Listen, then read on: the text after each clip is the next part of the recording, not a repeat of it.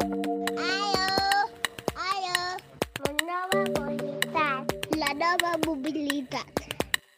amb el suport de Fulls d'Enginyeria d'Enginyers Industrials de Catalunya. Benvinguts a la nova mobilitat. Avui, capítol número 19. Miquel, què tal? Bé, molt bé. Um, avui tornem a parlar de um, electrificació. Portàvem un parell de conducció autònoma, el de radar, que, bueno, que se'ns en va anar una mica de les mans, Martí, això del radar. Però... No, era, era el teu regal, era el regal dels teus 40 anys, i com que el radar és el teu fort, amb la qual cosa... Ens vam, ens vam endinsar una mica, ens vam endinsar una mica. Um, però avui un, un, tema, un tema interessant també, no, Martí? De què, de què parlarem avui? Sí, primer de tot eh, parlarem de, no només de cotxe, no només de vehicle, no? el que n'hi diuen, eh, eh, sinó tot l'ecosistema al, al voltant del cotxe, el cotxe elèctric, el que n'hi diem vehicle to grid. No? Hauríem de buscar també el nom en català de vehicle a la xarxa, però jo crec que això ens ho pot explicar el nostre convidat d'avui, en Daniel Montesinos. Benvingut, Daniel. Hola, moltes gràcies. En Daniel, a part de ser fervent seguidor del nostre podcast, que em sembla que és el que se l'escolta cada cop que traiem el, el capítol, el, el primer que se l'escolta és en Daniel. Bueno, el, que, el, el, que comenta, el que comenta més, si més, si més El no. que gràcies, comenta gràcies, més. gràcies per la interacció. Home, és bo que hi hagi aquesta interacció, no? És necessari. Clar, clar, clar, clar. Molt bé. Doncs en Daniel, bé, mm, farem un repàs en el, en el teu currículum, però podem dir doncs, que ets expert eh, en, en qüestions d'electrònica de potència, Bueno, sé alguna cosa, diguem. Alguna coseta. Um, enginyer industrial, especialitzat en, en, en elèctrica o electrotècnia, com dèiem, de l'EdSape, de la Diagonal de Barcelona, Mm -hmm. i després de- d'haver estudiat la carrera eh, vas eh, començar a fer d'enginyer de desenvolupament per l'empresa Salicru, Sí. no? Feies desenvolupament de sistemes d'alimentació ininterrompuda, que dius. Sí, sí, els típics uh, SAIs o UPS, no? que per allò quan se te'n va la llum, doncs que el treball no se't perdi i puguis gu- temps de guardar l'ordinador, Uh -huh. doncs fèiem aquest tipus de desenvolupaments. L'empresa Licru doncs, fa molts anys que fa electrònica de potència aquí a Catalunya, uh el -huh. qual és una rara avis, no? perquè no és, no és freqüent això aquí. I vaig tenir la sort d'estar allà doncs, cinc anys treballant amb, fent recerca i desenvolupant doncs, això, els controls digitals i dissenyant els, els convertidors eh, bueno, per, aquests, eh, per aquests sistemes. No? Això era per sistemes de computació, per servidors, o per, o per en general, per qualsevol tipus de- d'aplicació o, o empresa? O... En, en el cas eren, eren SAIs per, a, per càrregues alternes, llavors tu pots allà connectar-hi el que vulguis. Clar, en general són ordinadors, servidors, aquest tipus de, de càrregues. Però bueno, a nivell domèstic, també a nivell in, industrial. No? Teni- Tenia una altra branca que era més de sistemes de contínua, que és el mateix concepte però contínua per alimentar sistemes de telecomunicacions, que en general funcionen a, a menys 48 volts, Uh -huh. i, però amb la mateixa filosofia, diguem, no? De, de, de tenir una càrrega, una bateria un, i un sistema que quan desapareix la- l'alimentació principal, doncs entra aquest sistema per, perquè el, que, el sistema es quedi, no es quedi sense energia. Uh -huh. I llavors, eh, això combinat amb bateries, suposo, o... Sí, sí. Uh -huh. Sí, sí, clar, sempre necessites una font d'energia i les bateries doncs, són la, la font principal. Aquí doncs, fem servir bateries de plom perquè l'espai tampoc és un requeriment molt crític en aquest cas, el pes. No? Llavors, bueno, les bateries de plom són molt sofertes, molt robustes Uh -huh. i en aquest cas doncs, és, és més adequat. No? Tot i que bueno, la tendència és anar cap a bateries de liti per, bueno, per, perquè tenen més capacitat, perquè són econòmicament doncs, viables Uh -huh. i evidentment av- avui en dia doncs, ja es tendeix a anar cap a aquests eh, sistemes. No? De bateries en parlarem més endavant, però llavors, eh, després d'aquests cinc anys eh, a l'empresa privada, diguem-ne, tornes a la universitat a fer un doctorat. Sí, va sortir l'oportunitat. Eh, de fet, amb, amb, amb la gent que vaig fer el meu projecte final de carrera no vaig perdre el contacte, vaig començar a fer la tesis, però bueno, va arribar un moment que va sortir l'oportunitat de tornar, va motivar la, la part acadèmica, la part docent, i vaig decidir doncs, eh, endinsar-me en aquest món, en aquest món acadèmic. No? Eh, vaig començar, bueno, vaig seguir fent el doctorat, per dir-ho així, amb un tema absolutament diferent, temes de control de, de motors elèctrics, Uh -huh. Eh, I bueno, vaig començar doncs, amb això, amb aquest món acadèmic, de la docència, de, de crear nou talent, de formar nou talent, Uh -huh. i continuo des de l'any 2005 doncs, a, a la a la UPC, a l'EdSape, al Departament d'Enginyeria Elèctrica, doncs, fent, de, fent de professor. Molt bé. Vas tenir una estada, a més a més, eh, a la EPFL de Lausanne, si no m'equivoco. Bueno, en el món acadèmic sempre ens demanen que ens moguem una mica i acabada la tesi vaig decidir buscar un lloc per, per fer el meu Erasmus particular, no, diguem. Eh, no, no d'estudiant, sinó de postdoc i també va ser una experiència realment vital, eh, també, perquè bueno, va ser poc, te poquet temps, eh, sis mesos, però també vaig encaixar en un grup de gent impressionant a al, al Laboratori d'Electrònica Industrial, que es diu allà, però feien una electrònica de potència realment molt avançada amb el professor Alfred Ruffer, que és un, és un referent, de, diguem, d'aquests aspectes. I allà bueno, vaig treballar amb supercondensadors, amb uns convertidors, diguem, multinivell per recuperar energia a la frenada, Uh -huh. pensant una mica amb, amb, el, amb el KERS, no? amb alguna així com un sistema per recuperar molta, poca energia però molta potència, no? per tant molt, molt ràpid, Uh -huh. eh, amb sistemes doncs, bueno, pensant en aquestes eh, aplicacions. No? L'estil dels supercaps que n'hi diuen, no? Sí, sí, anava amb supercaps. No? La idea era fer-ho servir amb supercaps. Sí. Molt bé. Supercaps, uh, jo no, Super, no, no sé supercondensadors... Jo, jo, jo, conec, jo conec el KERS de la Fórmula 1 només. Exacte, però el KERS de la Fórmula 1 és un, és un emmagatzemador d'energia cinètic, en principi, no? Mhm. Era, com a mínim Sí, al sí. principi era així. I Sí, en sí. canvi els, els supercaps o supercondensadors són uns condensadors, eh, Daniel, potser ho podràs explicar millor jo, eh, tu que jo, però que tenen, eh, al cap i a la fi, un, una capacitat molt, molt gran. Sí, mil, milers de farats. O sigui, una cel·la és com, és com una cel·la d'una bateria, però té milers de farats de capacitat. A, mo, a molt baixa tensió, a 2,5 volts, 3 volts màxim, però la quantitat d'energia que pots emmagatzemar és més que un condensador, Uh -huh. però molt menys que una bateria. El que passa que la capacitat de potència és brutal, o sigui, et donen uns corrents impressionants. Llavors, quan tens molt poc, necessites molt poca energia però molta potència, doncs és un, és un complement ideal. No? I realment, bueno, avui en dia servir en moltes, en moltes aplicacions. Uh, si no recordo malament, a, no sé si a Sevilla o Saragossa doncs hi ha un tram de, un tramvia, no? un, un tram curt d'alguns centenars de metres, que no hi ha catenàries, i alimenten en aquell tram doncs, el tramvia amb, amb, amb un sistema basat en supercondensadors. No? Mm. Un, dia puc, un, dia us puc explicar el meu projecte final de carrera, que és justament eh, un sistema eh, de gestió de- d'energia eh, comparatiu entre eh, condensadors i bateria de liti, no? però els pics de tensió, els pics de potència amb els supercaps, um, o només bateria de liti. I al cap i a la fi, vull dir, resumint-ho, vaig arribar a la conclusió que amb les bateries de liti, amb lo potents que són avui en dia, gairebé, si no tenim compromisos de, de pes o d'espai, de, d'espai, era gairebé més, més eficient agafar directament les bateries una mica més grans que no pas la combinació amb el, amb el DC-DC i amb, la, amb els convertidors i les pèrdues que teníem. Sí, sí, estic d'acord amb tu que avui en dia les bateries de liti són, són una passada. Mm. Però bueno, hi, ha- hi ha ninxos d'aplicació que té, que té sentit. Eh? Oh, i tant. A vosaltres que us agrada la música, doncs uns dels clients principals són els, diguem, els, els fabricants de sistemes d'àudio de vehicles, no? els subwoofers aquells que fan tum, tum, tum, doncs mm, els pics aquests eh, Necessiten... necessiten d'un supercap doncs, per, perquè la tensió de la bateria no vagi pujant i baixant i es deixin d'alimentar els sistemes del cotxe. Ah, Els, els altaveus necessiten... Els altaveus, exacte. Aquests pics de potència, doncs, eh, amb un supercap eh, no afecten a la resta del cotxe. Eh, pues, interessant. Llavors, eh, tornes de Lausanne eh, com a professor ja del Departament d'Enginyeria Elèctrica, allà al sòtan de l'ETSAPE, amb en Ricard Sí. Bosch, que deies, no? Sí, bueno, ara estem al pavelló G, Uh -huh. de, de fa poc ens hem traslladat al pavelló G, uns espais nous, estem fantàstics. I a B-1 eh, sí que allà tenim el, el laboratori. El laboratori segueix sent allà, no? Pels que coneixeu l'ETSAIP, doncs més o menys us sonarà, us sonarà això. I a partir d'aquí és quan comences a fer coses una miqueta diferents només a la, a la, a l'acadèmica. Eh, vas cofundar una mena de spin-off. Sí, sí, un, No? spin-off. Bueno, jo, jo sempre he estat vinculat amb un centre de recerca que es diu CITSE UPC, Uh -huh. de, des, de, des del principi, diguem, no? Es crea l'any 2000, quan jo acabo, eh, jo marxo fora, però quan torno, torno dins d'aquest centre de recerca, i en aquest centre de recerca, doncs, fem, la, la, el core és l'electrònica de potència. Uh -huh. I llavors l'apliquem a, a tot l'aplicable, o sigui, on hi hagi energia elèctrica, doncs hi ha l'electrònica de potència, i on no hi ha energia elèctrica, però hi ha energia, doncs intentem que sigui elèctrica, i llavors fem, fem encabir l'electrònica de potència com a tecnologia que permet gestionar els fluxos d'energia elèctrica.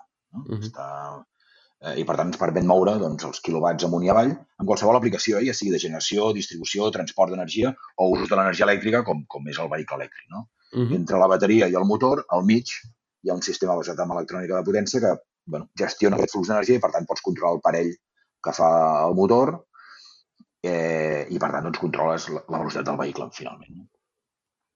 Eh, Independentment de que, a més a més, has de passar de, de tensió contínua a tensió Exacte. alterna, no? Vull dir, Aprofites que has de passar de, de, de contínua a alterna, eh, però en tot cas, si la tracció fos amb un motor de contínua, no? ah, val. Uh -huh. has d'aplicar una tensió variable al motor de contínua i, per tant, l'aconsegueixes amb, aquest, amb aquest equip. A l'aplicar una tensió variable al motor, doncs permets que el parell que fa el motor eh, el puguis controlar. Controlant la- la tensió que apliques al motor, doncs pots controlar el parell que fa el motor. No? En el cas de tracció elèctrica, avui en dia, doncs, evidentment, es fan servir motors d'alterna i, per tant, has de passar de contínua a alterna. No? A vegades no, no tenen per què ser motors trifàsics, poden ser pentafàsics, hexafàsics o el que sigui. No? Uh -huh. També et permet fer aquestes eh, conversions. Ja estem, ja estem entrant en el tema com, concretament.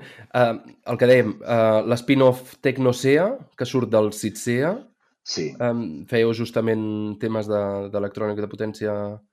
Sí, aquesta empresa la vam crear doncs, una mica amb la idea de donar valor a tota l'activitat de recerca que fèiem de, en el propi CITSEA, doncs donar-li una sortida al mercat. No? Perquè a CITSEA fem recerca, fem molta transferència de tecnologia, és el que, és el que ens agrada fer, transferir tecnologia a les empreses, bàsicament, també a les persones fent formació, eh, però bueno, i llavors hi ha, hi ha certes coses que ens desenvolupem nosaltres internament i vam veure que hi havia possibilitat que hi hagués algun petit mercat, en el, sobretot en el camp de, de la recerca. No? Centres de recerca que buscaven equips basats en electrònica de potència específics que no trobaven al mercat, nosaltres els hi podíem fer una mica fets a mida.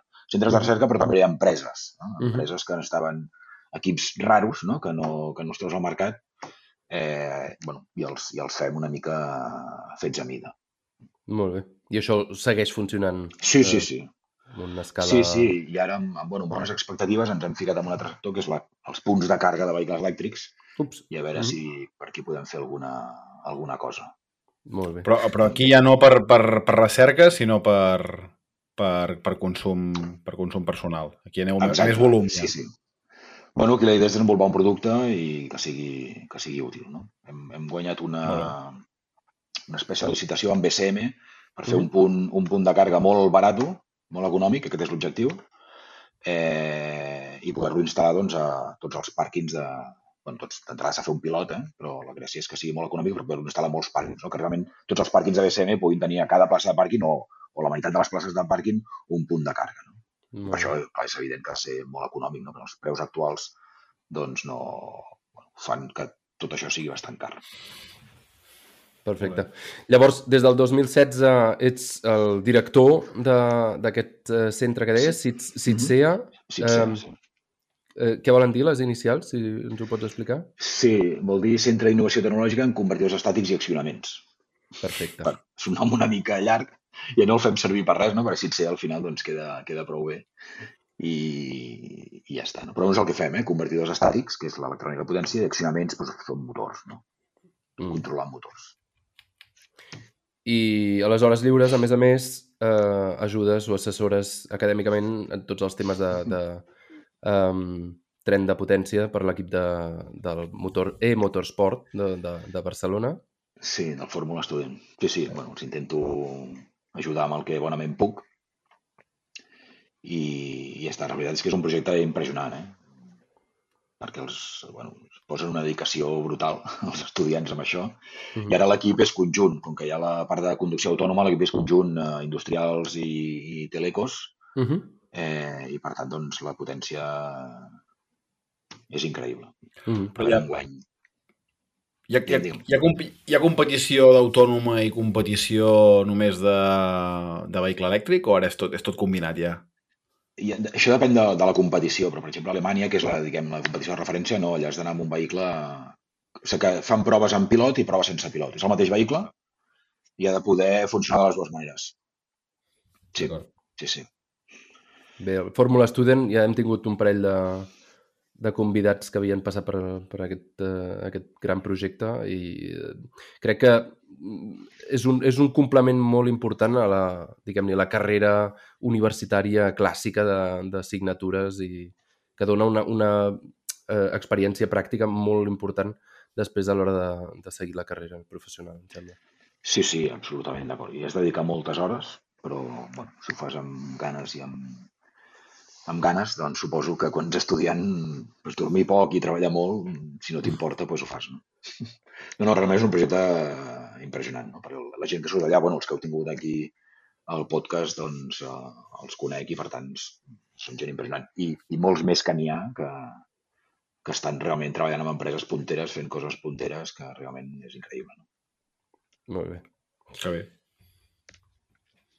Doncs amb això ja hauríem eh, acabat la presentació d'en Daniel. Eh, sobretot també molt contents de parlar amb algú eh, aquest eh, alt nivell eh, tecnològic que ens expliques des de Catalunya, perquè molt sovint ens n'anem doncs, a San Francisco, dins d'Alemanya, cap amunt, cap avall, però que teníem moltes ganes també de parlar, perquè l'enginyeria catalana eh, també quedi aquí palesa, no? que no només sembli que sempre parlem amb, amb gent que viu a l'estranger i treballa a l'estranger. Sí, això, bueno, està bé reconèixer que aquí alguna cosa fem. No molt, però alguna cosa, alguna cosa fem. Evidentment el talent molt, molt, molt marxa, però també n'hi ha talent que es queda i aquest talent doncs, té realment valor. No? Dèiem, dèiem que avui volíem parlar uh, de Vehicle to Grid, uh, és a dir, com, com utilitzem l'energia amb la qual hem carregat la bateria del vehicle i la podem tornar a injectar al, a, la, a la xarxa si en, en cas que faci falta, no? Crec que volies començar a parlar de l'ecosistema del cotxe elèctric.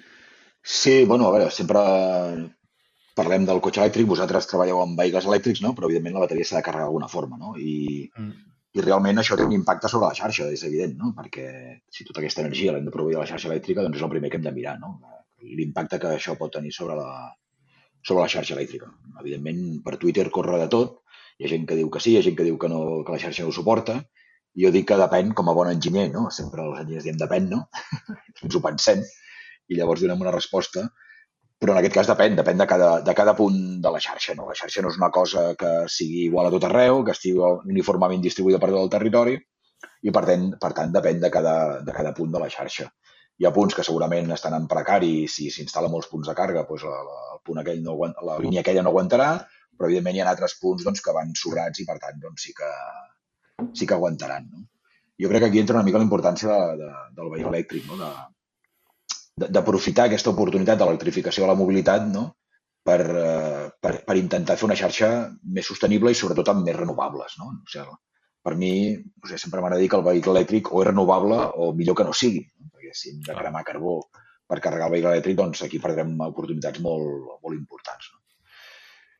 I això passa, primer, perquè és una càrrega gestionable, no? que no, diguem, tu enxufes i la carregues a una potència constant, sinó que la potència es pugui, de càrrega es pugui modular. No? I segon, perquè a més a més és una bateria amb rodes, que totes les estones que està parat i amb el, el model de mobilitat que tenim avui en dia són moltes hores, doncs que a més a més pugui donar serveis a la xarxa serveis de carregar-se més del que un voldria en algun moment, però també, sobretot, serveis de poder-se descarregar també contra, contra la xarxa. A baix nivell, tecnològicament, això està més que solucionat. Eh? Jo que la setmana passada vaig estar en, una, en un congrés d'electrònica de potència a Nuremberg i allà doncs, tots els fabricants tenen, tenen application notes i eh, eines d'aquest tipus doncs, que tenen sistemes direccionals doncs, a, a la disposició de tothom, no? un board, off-board, el que vulguis. No? Per tant, tecnològicament, eh, des d'aquest punt de vista, bueno, pues, evidentment hi ha millores a fer, es poden fer moltes coses, però està, està solucionat. No? El problema principal és de gestió, no? Perdoneu. No, no, hem Ara... fet dos a la vegada. Verdi, fota-li, fota-li. Sí. Que això és l'aparell o el sistema que, que permet eh, aquest tipus de càrrega és el que n'hi diuen carregadors bidireccionals, no? Exacte, sí, sí. O sigui, és un carregador que permet aquest flux bidireccional d'energia. No? L'electrònica potència té aquesta virtut, no? que podem controlar eh, un flux unidireccional, però també el podem controlar eh, afegint diguem, els elements que fan falta de, de hardware i de control adequats, podem fer que el flux d'energia sigui bidireccional. Al final és una bateria, vull dir, com la, una bateria estacionària que tu puguis tenir a casa amb el teu sistema d'autoconsum, doncs posada sobre quatre rodes. bueno, doncs, des d'aquest punt de vista és transparent, això no, no, no li afecta a la tecnologia. I, I la veritat és que la, la xarxa, doncs, bueno, mica en mica comença a necessitar d'aquests eh, d'aquests sistemes. No? Un vehicle és molt poc, no? és molt poca potència, és molt poca energia, Però quan els pots agregar, no? i aquí entra un altre mercat que és l'agregació de, de càrregues, no? eh, doncs evidentment això té, té el seu pes. No? I, no, I no només la potència i l'energia, sinó la distribució en el territori. No? Si tu en una línia aconsegueixes tenir molts vehicles elèctrics, et poden causar un problema o els pots fer servir perquè aquella xarxa operi d'una forma molt més eficient. D'acord? Per tant, eh, bueno, que, cal aquest, aquest balanç entre, entre, entre aquest compromís de, de poder gestionar aquestes càrregues. No? Poder gestionar aquests punts de càrrega i que se'm carregui el cotxe no quan jo vull, no? sinó quan algú decideix que és el millor per l'estabilitat del sistema. Clar, jo tinc una premissa bàsica, que és l'estabilitat del sistema i que totes les càrregues estiguin alimentades. No?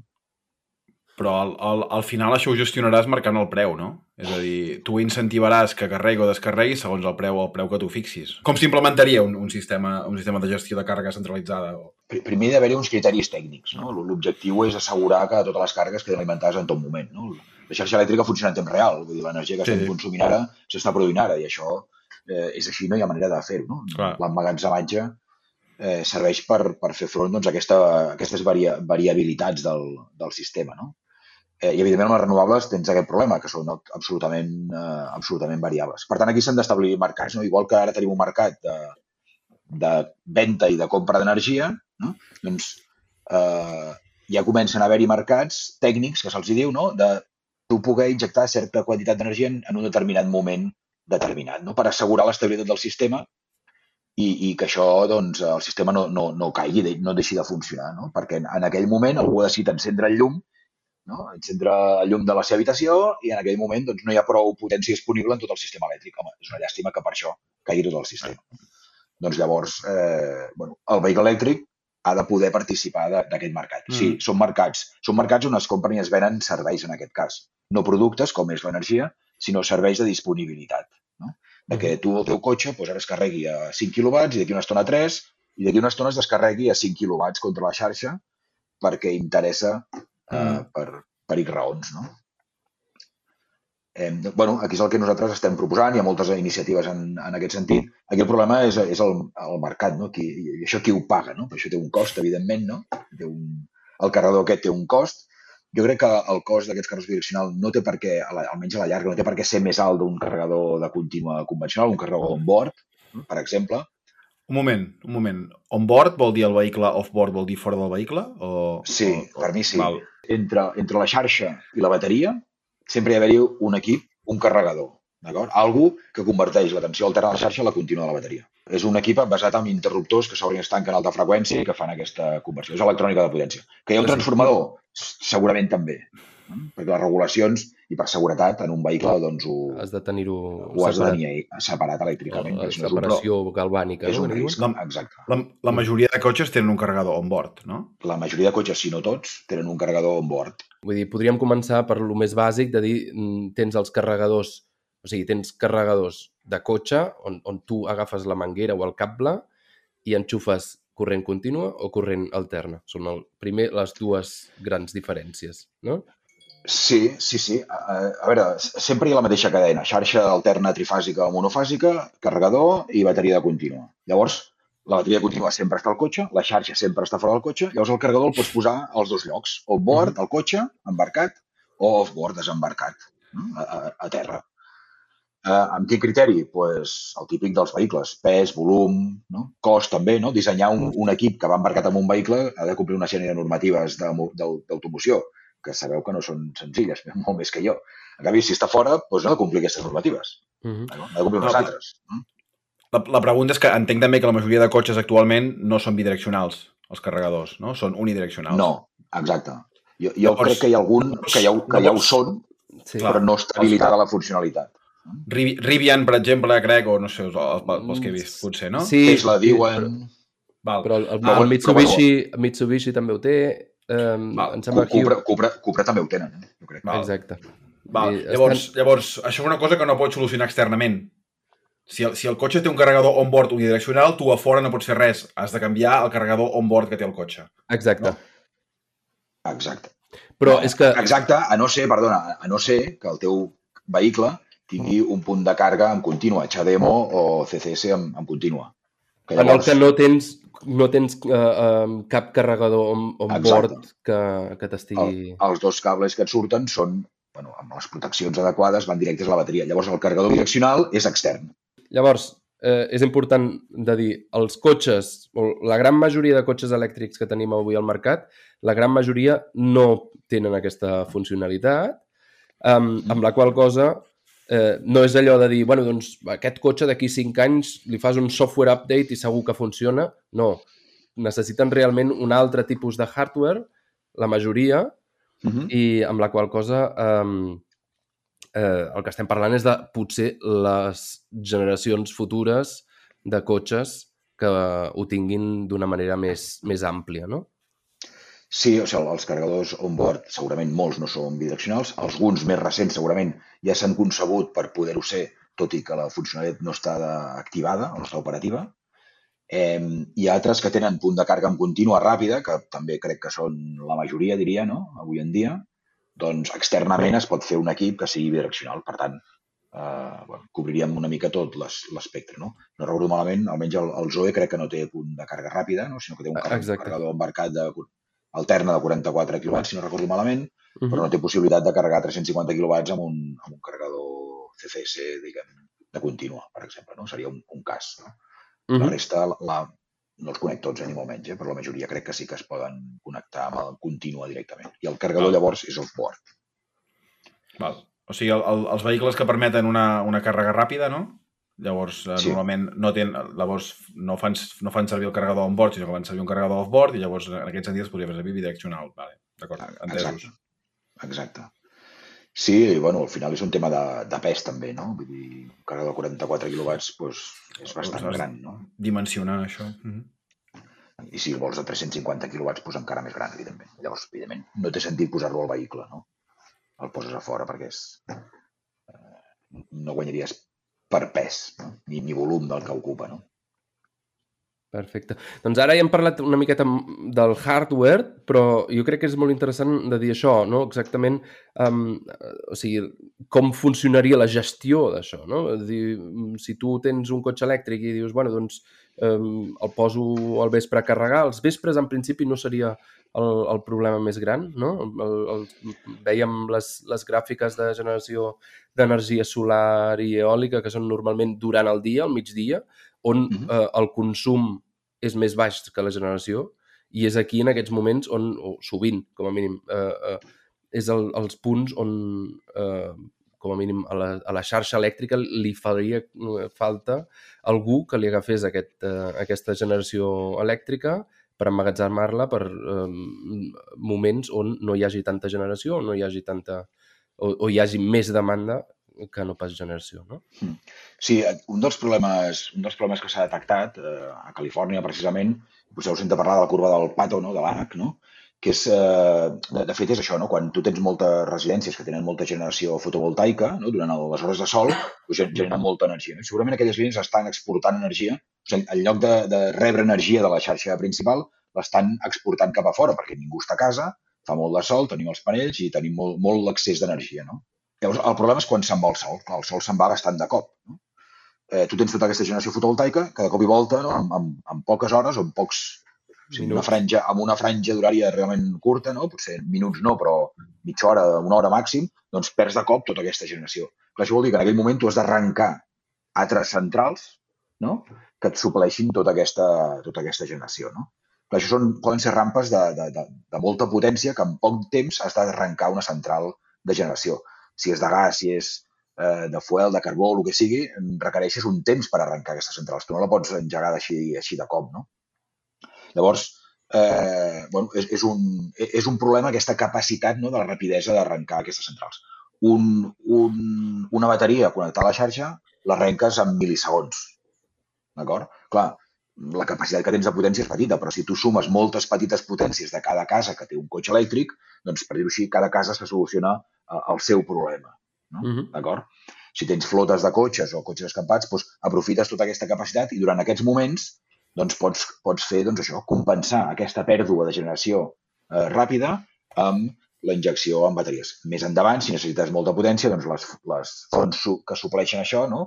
Les centrals tèrmiques de gas, segurament cicles combinats, doncs tenen temps d'arrencar i de posar-se operatives per poder suplir tota aquesta energia mancant. No? Per tant, aquest és un dels, eh, és un dels usos, d'acord? Eh, a, a nivell escala xarxa, evidentment, si comencéssim per l'escala domèstica, eh, evidentment, quan un arriba a casa i quan posa en marxa el forn per cuinar, el calefactor de la dutxa, el no sé què, és quan consumeix doncs, més potència, no? Doncs et pots estalviar uns diners, no? Aquests 4 quilowatts, durant aquestes dues hores no, que tu estàs eh, en plena efervescència a casa, doncs que els puguis suplir el cotxe elèctric i pots, en certa manera, reduir la teva factura elèctrica. No? També és quan l'energia és més cara. Uh -huh. D'acord? Normalment, eh, aquestes hores de... primeres hores del matí i últimes hores de la nit és quan, eh, en un escenari de molta fotovoltaica, és quan l'energia segurament és més cara. No? Per tant, bueno, estàs, estàs compensant reduint el tema de potència i també segurament aquella energia, com que l'has carregat durant el dia amb el teu aparcament, perquè l'has carregat quan l'energia és barata perquè hi ha molt de sol, doncs evidentment et pot sortir una mica més barata la factura elèctrica al cap, de, al cap del mes. No? Això és una, de, una altra de les aplicacions. No? S'anomena peak shaving, no? és retallar aquests pics de, de potència. Abans n'hi deies la corba de l'ànec, i em sembla que mm -hmm. es refereix, diguem-ne, a la potència eh, generada o, o consumida durant el dia, no? Al matí és eh, més elevada, no? I llavors... Sí, al matí, al matí, al matí primers hores del matí creix, després a les hores de ple sol baixa molt la generació que no és fotovoltaica, però després quan se'n va el sol ha de tornar a créixer la generació que no és fotovoltaica. No? I això I és la fa- cua fa de una l'ànec, forma, no? La- Fa una forma d'ànec, sí. De la, diguem, la vall és l'esquena de l'ànec, no? El, el cap de l'ànec és les hores del matí i la cua és la, és la tarda. No? Mm. Ok.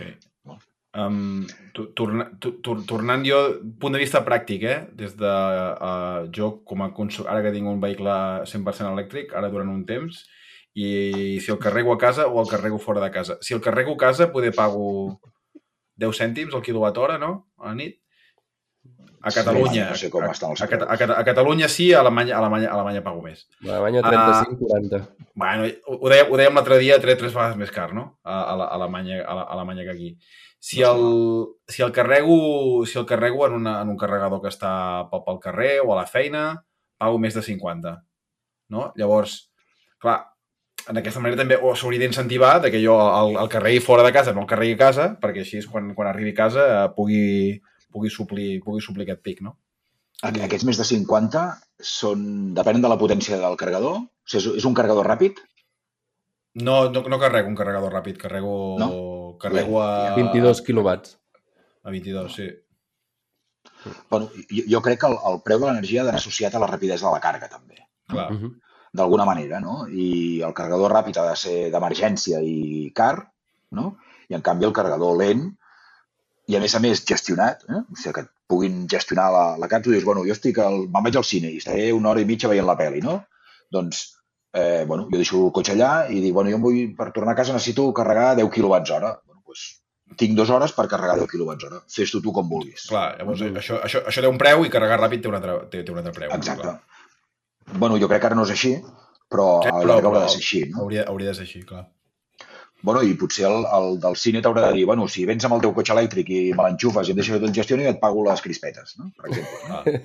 Bé, de fet, de fet fa, fa anys, amb els primers carregadors que hi havia, fins i tot eh, el posaven a dins dels pàrquings i era eh, completament gratuïts, eh, no? O segons quines, aquí als supermercats Lidl d'Alemanya, el, els carregadors fins fa mig any eren gratuïts, o sigui, anava, posaven un carregador, ni que, ni que et regalessin només mm, 10 quilòmetres, entens? Millor això, o un, una hora de càrrega, em sembla que regalaven.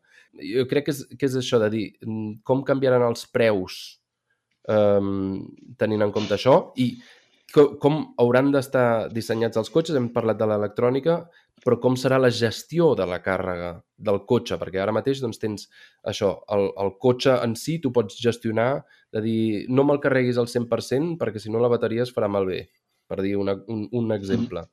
Després també hi ha de dir, mm, carrega'm el... Jo vull demà al matí a les 7 del matí vull sortir de casa i vull que el cotxe estigui ple i que, i que la calefacció estigui a tota pestany, a 21 graus, per dir alguna cosa, no? Aquestes coses es poden fer avui en dia. Si a més a més hi afegim la, varia la variable de dir mm, però dona-li l'oportunitat a, la- a la xarxa a, a xupar energia del cotxe en un moment que hi hagi massa demanda i massa poca generació, és, és un, una complexitat molt gran, no, Daniel? Sí, però ja comença a haver-hi experiències eh, en aquest sentit. No? Al final hi ha d'haver-hi un, una, un element, un agregador, que se li diu, no? que agregui molts, molts cotxes i ell el gestioni d'acord amb la companyia distribuïdora per mantenir estabilitat i d'acord amb, amb, amb, amb aquest mercat, no?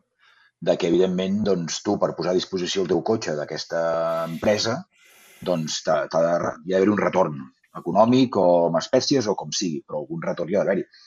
Eh, evidentment, la bateria del cotxe, si la fa servir més, es degrada més.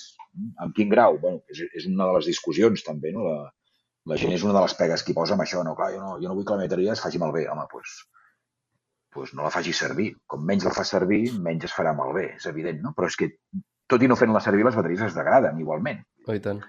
Per tant, bueno, si algú et paga suficient per compensar aquesta degradació, doncs no t'hauria d'importar. No? Si et paguen més de la degradació, encara guanyaràs calés. No? Clar, això, Mhm. El problema és que les bateries és química i la química és una ciència, per mi és una mica obscura encara. No? I saber l'estat de càrrega d'una bateria realment és complexa i les bateries no es comporten igual d'una amb l'altra i, per tant, és un, és un de, bueno, és un dels mals de caps que aquí, que aquí hi ha. No? Qui dona la garantia sobre la bateria, si el fabricant del cotxe o, o no, perquè Mhm. clar, tu fas un ús que no és propi del cotxe, sinó que és, és podríem dir, extern. Uh -huh. Bueno, potser els fabricants de cotxes eh, també es posaran en aquest sector. Per què no? No, no ho sé. eh, Això, No, això és, la, la, la, la gestió és complexa perquè tu has de gestionar un sistema elèctric distribuït, uh -huh. d'acord? Analitzar com es, mouen, com es mouen els fluxos de potència per allà per assegurar certes coses, no? L'estabilitat del sistema, els requeriments que tu tinguis externs també del sistema, i per tant no, no, no és senzill. Això implica comunicacions i computació, intel·ligència artificial. De, de tota manera, la, la degradació que pugui tenir una bateria d'un vehicle en una casa jo crec que ha de ser, ha de ser relativament baixa. Vull dir, les potències que estem parlant són en una casa eh, no estem parlant de potències d'un vehicle elèctric, no? Un vehicle elèctric quan vas a 120 doncs consumeix no sé, 30-40 quilowatts. En una casa 30-40 quilowatts, eh, no sé, Són quatre cases. o, o, o més. o més, Potser sí. Finlàndia o països així molt elèctrics, sí, però aquí a Espanya, per exemple, eh, la potència mitjana deu estar en uns 5 quilowatts la, la, Mhm. per contracte. Després això no ho consumeixes ni el dia de Nadal, que tens el forn, els focs, les llums i tot en marxa, eh, no arribes a aquestes potències. No?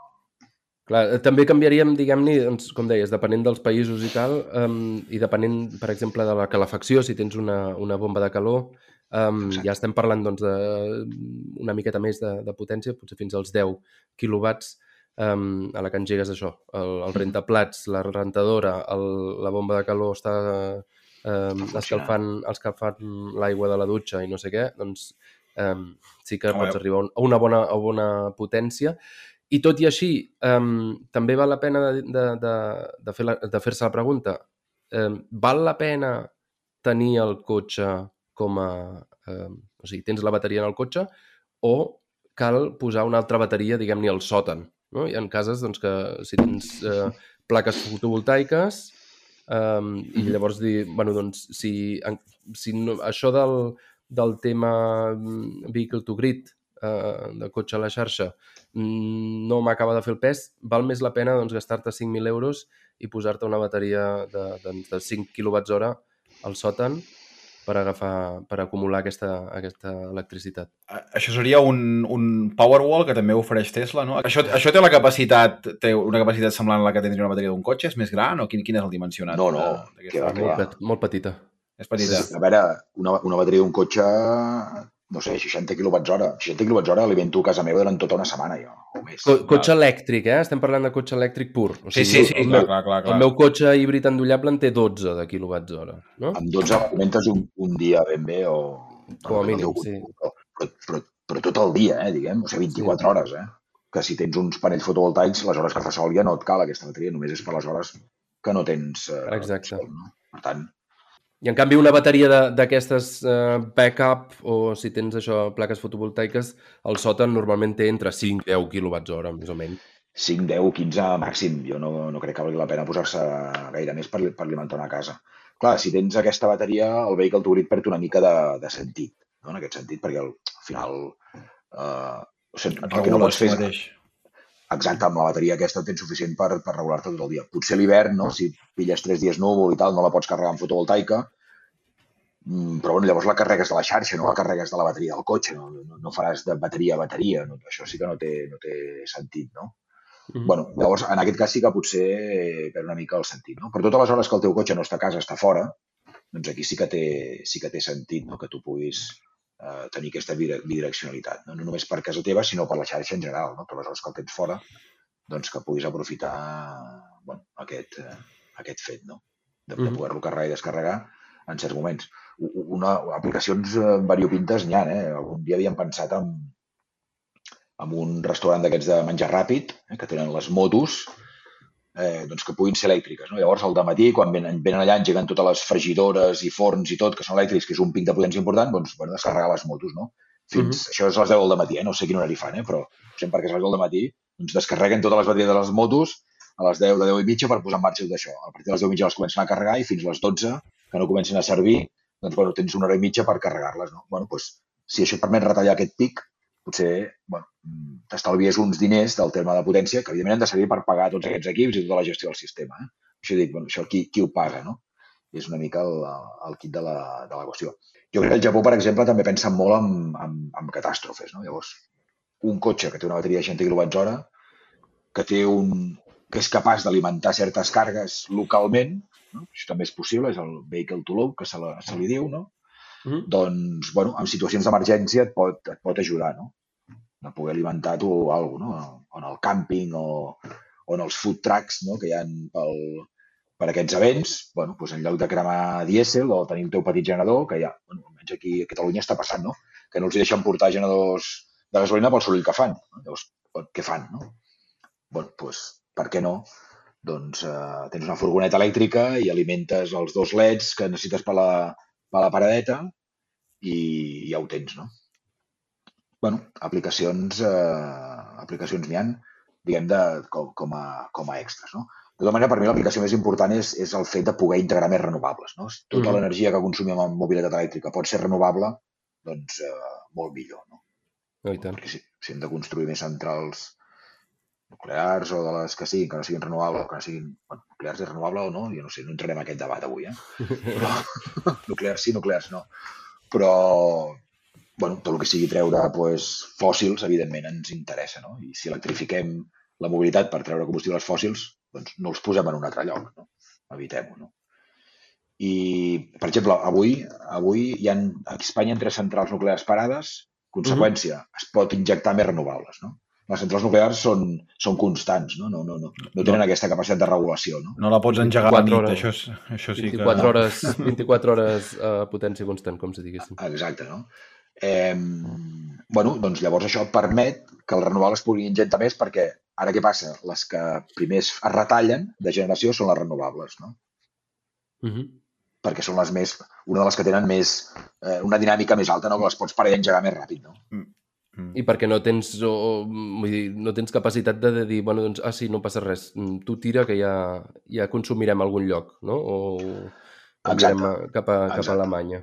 Si tens una flota de vehicles que en aquests moments pots dir, no, ara carregueu a tope, no? Doncs pues, tota aquesta energia renovable pot anar cap als vehicles. No? L'altra l'altra manera de, d'emmagatzemar aquesta energia és el que parlàvem amb Miquel eh, en el nostre capítol en alemany, que aviat eh, publicarem, eh, amb, les, amb els electrolitzadors, amb el que n'hi diuen llavors eh, generar hidrogen o convertir diguem-ne, l'electricitat, o utilitzar aquesta electricitat per eh, generar hidrogen i emmagatzemar-lo o Sí. posar-lo en canyeries, en tuberies i, i cap, a, cap a Marsella, no? Sí, és una altra línia de recerca que estem treballant, no? fer servir aquests electrolitzadors per donar aquesta flexibilitat. No? Enviar-lo a Marsella ja no ho sé, però, però mantenir-lo localment potser sí que té, té sentit. A més, la, la, les regulacions obliguen a les renovables a tenir certa capacitat de- d'emmagatzematge d'energia, no? Mm. Típic megaparc eòlic a dalt de tot d'una muntanya Mhm. que l'han de parar perquè hi ha massa excés de generació, o ha d'haver reduït la seva potència. Doncs allà muntes un electrolitzador, uns dipòsits d'hidrogen, quan això et passa, en lloc de fer que aquests, que aquests molins generin menys energia, doncs el, aquesta energia, diguem, excedentària la fa servir per generar hidrogen. Aquest l'emmagatzemes i al cap d'unes hores doncs, el fa servir per generar energia i reinjectar-la altra vegada cap a la xarxa. Aquest hidrogen, trans, transportar-lo molt lluny, a mi és el que em costa de veure. No és, no és eficient, això, no? És que, però és que t'ho estan regalant. Si no, has de parar el, el molí. És, és una manera, no? Potser tens altres maneres, que són les que estàvem comentant ara. No, però tu el molí el tens allà, el vent està bufant. O el desconnectes Bueno, però si, però si, però si tenim una, una xarxa i tenim Una coses bateria, connectades sí, exacte. i llavors doncs, podem gestionar-ho, no? Doncs és una altra manera que és més, més eficient, potser, no? Mm. De mirar llavors, mm, si estem parlant de 10 megawatts o de no sé quants megawatts d'un molí de vent d'aquests, quants cotxes hem de, eh, Hem de tenir Eh, per... hem de, de carregar, no? A la vegada. Són molts, són molts, són molts. Mm. Sí, sí. Sí, i l'hidrogen, una altra aplicació en aquest sentit és en grans, eh, diguem, consumidors d'energia tèrmica, no? fàbriques que foren acer o que fan ciment o coses així, doncs, bueno, generar hidrogen a partir d'energies de, d'energies renovables també generades localment. No? Una nau Celsa, no? aquí a Barcelona, Celsa, Uh -huh. allà que- a Castellbisbal, que tenen metros i metros allà a sobre, doncs, bueno, un paperarullo tot de panells fotovoltaics i venga a generar hidrogen, no? Pels, pels forns que no són, que no són elèctrics, eh? que en tenen molts elèctrics. Eh? Mm. Hem començat parlant de, del cotxe Vehicle to Grid i hem acabat parlant d'hidrogen. Jo crec que hem fet un ventall molt ampli de temes. Sí, no, no parlem de materials una miqueta, no? Doncs parlem-ne, parlem-ne. Materials Fem-ho. avançats de l'electrònica de potència. Fem-ho ràpid.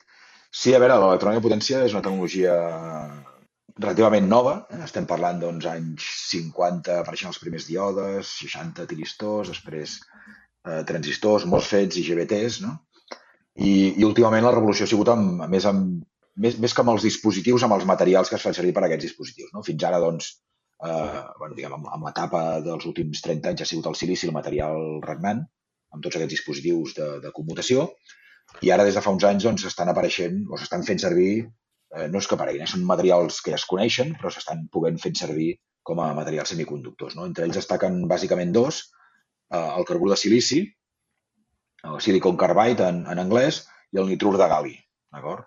Aquí la, el, el tema és l'eficiència, o sigui, es tracta d'aconseguir que això sigui realment molt eficient. Eh? Quan un parla de, amb electrònica potència d'una eficiència d'una efi- d'eficiència de elevada, estem parlant de més del 95%. Eh, Evidentment depèn del punt de treball, eh? però eficiències màximes, doncs 99-98% és algo eh, habitual o comença a ser eh, valors habituals en, en, aquests, en aquests equips. No? I amb, aquest, amb aquests materials innovadors com el carbur de silici, que dius, bueno, ja fa temps que, que els coneixem, però la producció industrial d'aquests materials ara és realment quan està començant, no? Sí, sí. Mm, Realment ara és l'ex- l'explosió d'aquests materials en quant a capacitat industrial de, de producció, no? I també hi ha un tema important, i el sector automòbil és molt, molt sensible, no? la fiabilitat d'aquests components. No? Amb silici doncs, fa molts anys que els fabriquem, sabem molt bé com funcionen, la fiabilitat està molt acotada, però amb aquests nous materials, doncs, evidentment, la fiabilitat és un, és un punt no? que realment s'ha d'avaluar. Bueno, això és experiència, al final, no? i fer molts assajos, moltes hores de, de fer-los funcionar. S'està arribant doncs, a conèixer amb, amb fiabilitat. Aqu- Aquests, aquests components el que permeten és commutar molt més ràpid, a més freqüència, el qual implica que els elements passius, no? que són aquelles inductàncies i condensadors, poden ser més petits. Per tant, això també implica doncs, reduccions de pes i de, eh, i de volum i que poden suportar més temperatura. O sigui, el sistema de refrigeració també pot ser doncs, més, eh, més petit, perquè poden suportar més, més temperatura. No? Aquest, aquest 1% de pèrdues es produeix dins del xip. El xip és una cosa minúscula com una ungla i fi de, de centenars de micres de gruix. Allà es produeix potències de, de watts o de, de desenes de watts. Clar, aquell calor s'ha d'extreure. D'acord? Primer és important que la conductivitat tèrmica d'aquests materials sigui molt bona, i això s'aconsegueix amb aquests materials també, molt millor que el, que el silici, i després la que poden funcionar a més temperatura, per tant, els podem escalfar una mica més, eh, més amunt. D'acord? Mm -hmm. I, però ni, ni, nitrur, uh, com és això? Nitrur de gal·li és un semiconductor 3.5, no? Això és més exòtic, no? Això és més car, això és per, per molta, molta... Això no és per, per tant de volum, sinó quan busquem molt alta uh, eficiència per a aplicacions molt concretes, no? O, o sí, o, o pot, Sí. pot, ser, pot ser per volum, això, també. No, la, la tecnologia del nitroregali és, és, actualment, és actualment més cara, sí, és, és més exòtica, la, la fabricació doncs, és més difícil, i a més els dispositius que tenim no suporten tanta tensió. O sigui, tenim dispositius que suporten un cop obert uns 600 volts. Eh. Les bateries del vehicle comencen a 900 volts i encara més amunt. Per tant, aquí anem al carbur de silici. No? Per aplicacions domèstiques, per exemple, eh, tensions de 230 a xarxa, que són doncs, això 400-500 volts a contínua, sí que podem anar a, a nitrur de gal·li. bueno, mm, pots combinar-ho, pots combinar-ho també, o pots buscar topologies de convertidors, o sigui, associacions d'aquests interruptors que no han de suportar tota la tensió de la bateria. No? Els convertidors multinivell que es diuen, no? I que, per tant, Val. pot fer servir dispositius de menys tensió, tot i que la, la tensió total és més, és més elevada, no? Tens més dispositius, bueno, aquí està el balanç entre, entre cost, complexitat i, i avantatges que, que tens, no? Tot i així, la tendència és que sí, que, aquest, eh, que no ens quedarem només amb els, eh, amb els components de silici pur i dur que tenim, estem acostumats, els MOSFETs, no?, al cap i a la fi, eh, de fins ara, sinó que sí No, que no, veurem... o sigui, el, el MOSFET es pot fer amb silici o amb carbur de silici, Exacte. d'acord? Vull dir, per tant, és, és com un, sí, és un tipus de dispositiu, pot ser sobre qualsevol material, no? Eh, Sí que és, una, ens, ens és, és, una, és una estructura de transistor, el, que, el material és el, el substrat, no? Llavors pots fer amb un Exacte. substrat o un altre substrat, no? Exacte. Exacte. Sí, sí. I bueno, ens quedarem amb el carbur de silici. Vull dir, el, el- jo crec que ja, ja, ja és gaire, comença a ser un estàndard el carbur de silici per aplicacions d'al- d'alta tensió. Uh -huh. Volem dir alta tensió més de, més de 600 volts. Passem, passem al qüestionari que comencem sempre amb, amb una opinió agosarada o a contracorrent, hot take en diuen en anglès. Um, el, el, algun comentari que, vul- que vulguis fer, així és una mica per, per fer bullir, per fer bullir l'olla. Genial. Bé, em sembla que, ja, que ja, ja ho he dit una mica, no? però jo sóc de l'opinió això, que hem de fer l'esforç tots com a societat de que el vehicle elèctric ha de ser renovable perquè si no ens estrellarem. I crec que si no la solució no, no, no, no, té, no, no, no té sentit. No? I a més a més hem de canviar els nostres hàbits de mobilitat. No? Això de que omplis el dipòsit i tinguis 1.000 quilòmetres d'autonomia doncs és, és realment necessari? És la meva pregunta. No? Bueno, no sé.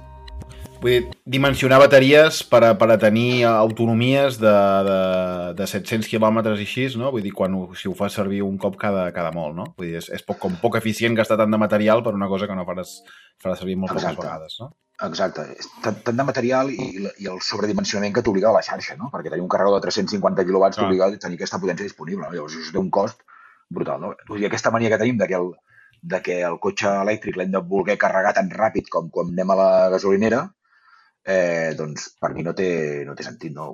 Un, un, una, un ensortiu de gasolina és una potència de megawatts. No, no sé, no, no, no cal. No? Vull dir, no, hem, hem d'aprendre això, no? canviar una mica el nostre, el nostre hàbit. I el cotxe, mm, arribes a casa, l'enxufes, el tens enxufat fins l'endemà. Tens 8 hores per carregar-lo a casa teva durant la nit. No? Després, bueno, els que estan aparcats al carrer, bueno, doncs ja trobarem solucions perquè hi hagi molts punts de càrrega.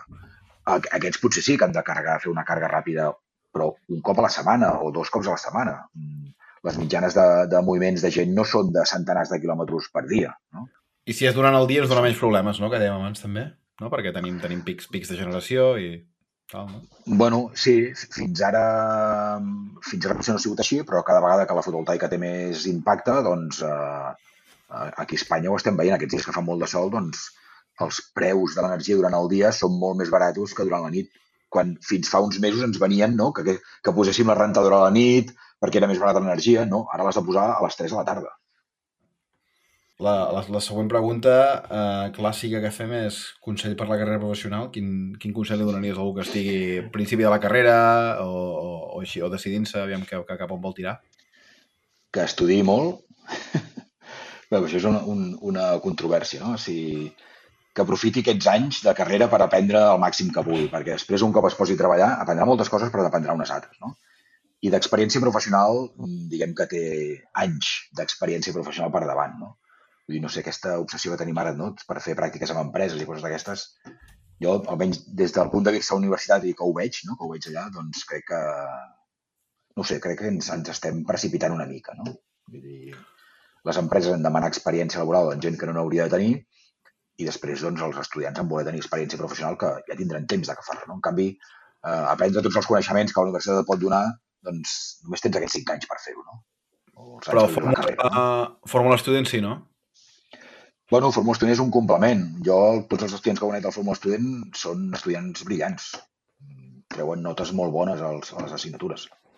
Llavors, eh, bueno, ja estaríem eh, gairebé amb, la, amb la última pregunta, que és aquesta balança entre el que és el món acadèmic i el món de la indústria, perquè semblen com dos mons que no que competeixen l'un amb l'altre, no? És, és complicat i és una llàstima perquè realment tots tenen molt a portar a, banda i banda. No? I, a Catalunya, doncs, històricament, no, hi ha hagut aquesta complicitat no? entre el món acadèmic i el món de la indústria. No? Eh, bueno, mi- mica en mica es van, es van fent passos, jo crec, no? per, per, per, per en dues parts. Eh? Jo crec que el món acadèmic és molt acadèmic, no, Vull dir, no, no hi ha un reconeixement dels acadèmics que, que fem transferència la, de tecnologia, no? que no ens dediquem a fer recerca, publicar quatre articles i ja està, sinó que volem que aquests articles doncs, hi hagi una empresa que després apliqui aquests algoritmes que s'han desenvolupat o aquesta tecnologia que s'ha desenvolupat. No? Eh, més enllà de crear spin-offs o, o això, que, que també està molt bé, evidentment, no? però has de trobar les persones adequades, sinó les empreses que ja existeixen doncs, que, que s'acostin a la universitat i que busquin solucions als problemes que tenen. No? Això vol dir que ens han de venir, ens han d'explicar els problemes que tenen nosaltres ens hi posarem. A, a nosaltres ens és igual estudiar patates que peres, però si a algú li interessen peres, doncs estudiarem peres. No? Mm. Clar, si no sabem que a algú li interessen peres, doncs estudiarem mongetes. Entens? Que, que a ningú li interessen les mongetes. Llavors, falta, falta aquesta, aquesta connexió i, i, i per ambdues parts. No falta entendre la, que l'empresa entengui millor com funcionen els sistemes universitaris, com funcionen els processos d'innovació i de recerca, no? que això crec que també és important que, que, ho, que ho coneguin. I, i des de l'acadèmia doncs, hem d'entendre com funcionen les empreses. Hem de treballar amb professionalitat, hem de treballar amb tempos, hem de treballar amb, amb pressupostos, eh, hem d'aprendre a fer aquest esforç no? de, de que realment doncs, eh, bueno, no han de ser quatre professors universitaris que tenen idees boges, sinó que ha de ser una cosa professionalitzada no? i realment doncs, extreure aquests resultats eh, d'aquesta activitat de recerca, aquesta activitat acadèmica que es pugui, que es pugui fer. No? La veritat és que les empreses poden extreure moltes coses de la universitat, eh? no només coneixement, sinó talent. No? És, és on estem formant el talent. Per tant, és un punt eh, realment les empreses haurien d'estallar totes amatents no? a, a intentar que, que aquest talent. No només això, jo els hi demano que ens ajudin a que entri més talent. No? O sigui, que entrin més enginyers per sota, perquè el problema ara mateix és aquest. d'acord? Mhm. És que no n'entren prous, no hi ha prous vocacions. L'input, no? L'in- L'input és, és molt baix. Llavors, clar, el que surt, doncs, evidentment, és encara més baix, perquè hi ha, hi ha pèrdues pel camí. No? I això crec que també és una que la indústria ens ha d'ajudar. No? Hem après avui que a Catalunya hi ha molt talent, que tenim molts eh, projectes tecnològics interessants que surten de l'acadèmia amb una expertesa, eh, amb, molts anys d'expertesa, eh, Daniel, i, i jo crec, bueno, ens has fet una, una lliçó d'electrònica de potència avui que ens l'emmarcarem a la paret. No sé si aprovarem l'examen, Miquel, però bé. Jo crec que amb nota, amb nota.